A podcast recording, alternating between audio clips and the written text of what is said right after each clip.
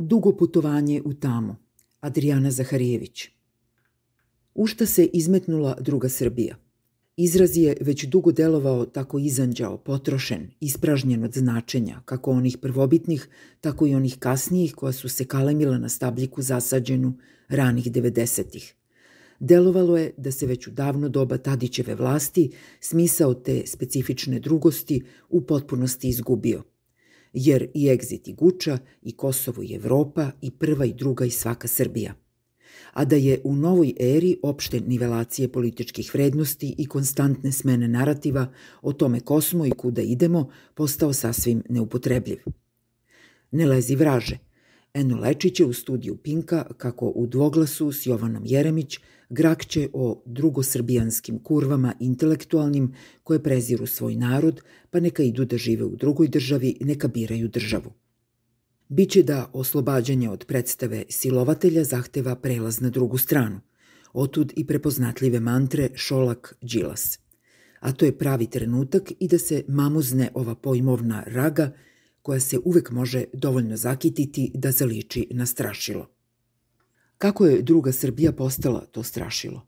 Kako su oni koji se samo predstavljaju tako, iako ih je danas sigurno moguće tek na prste izbrojati, postali intelektualne kurve ili psihološke kurve, kako mudro dopunjuje voditeljka Jeremić.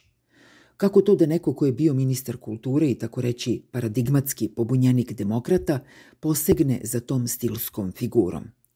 Ali ako i nećemo o poniženom i uvređenom korisniku, moramo o figuri koja u sebi sabira sve najgore što je Srbija iznedrila.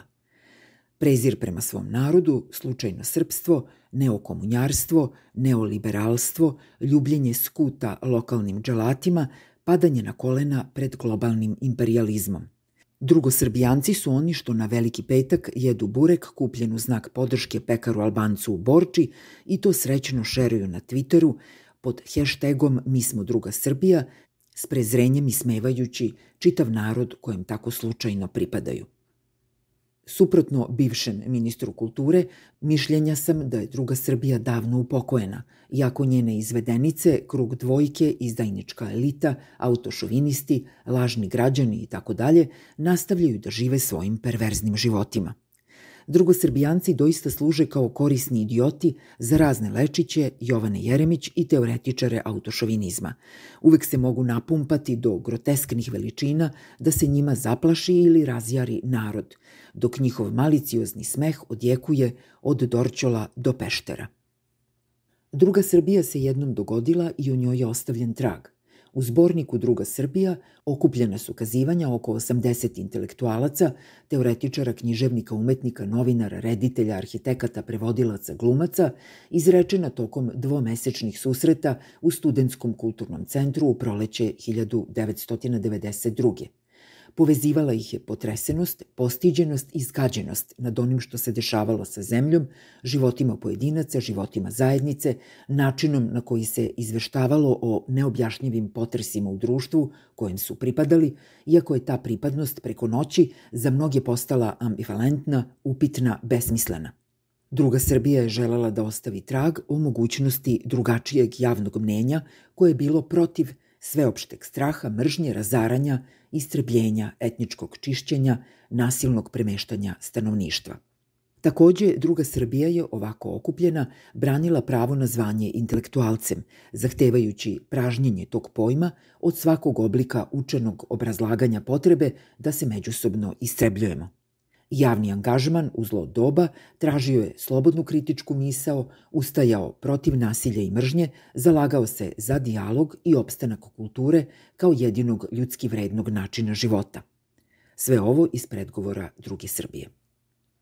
Prva Srbija, isturena i glasna, ona koja je imala tapiju nad javnim mnjenjem i oblikovanjem značenja srpstva, nije bila potresena, zatečena i postiđena. Naprotiv, ona je bila strateški raspoređena – Dobre, prave, autentične elite su proizvodile potrebne narative, granice su se prekrajale, životi zaustavljali, zajednice urušavale i na tome su taktički radili političari, vojska i paravojne formacije, dok su mediji radili na nepresušnoj proizvodnji straha, mržnje i stalnih podsticaja, na razaranje svih dobrih niti svakodnevice.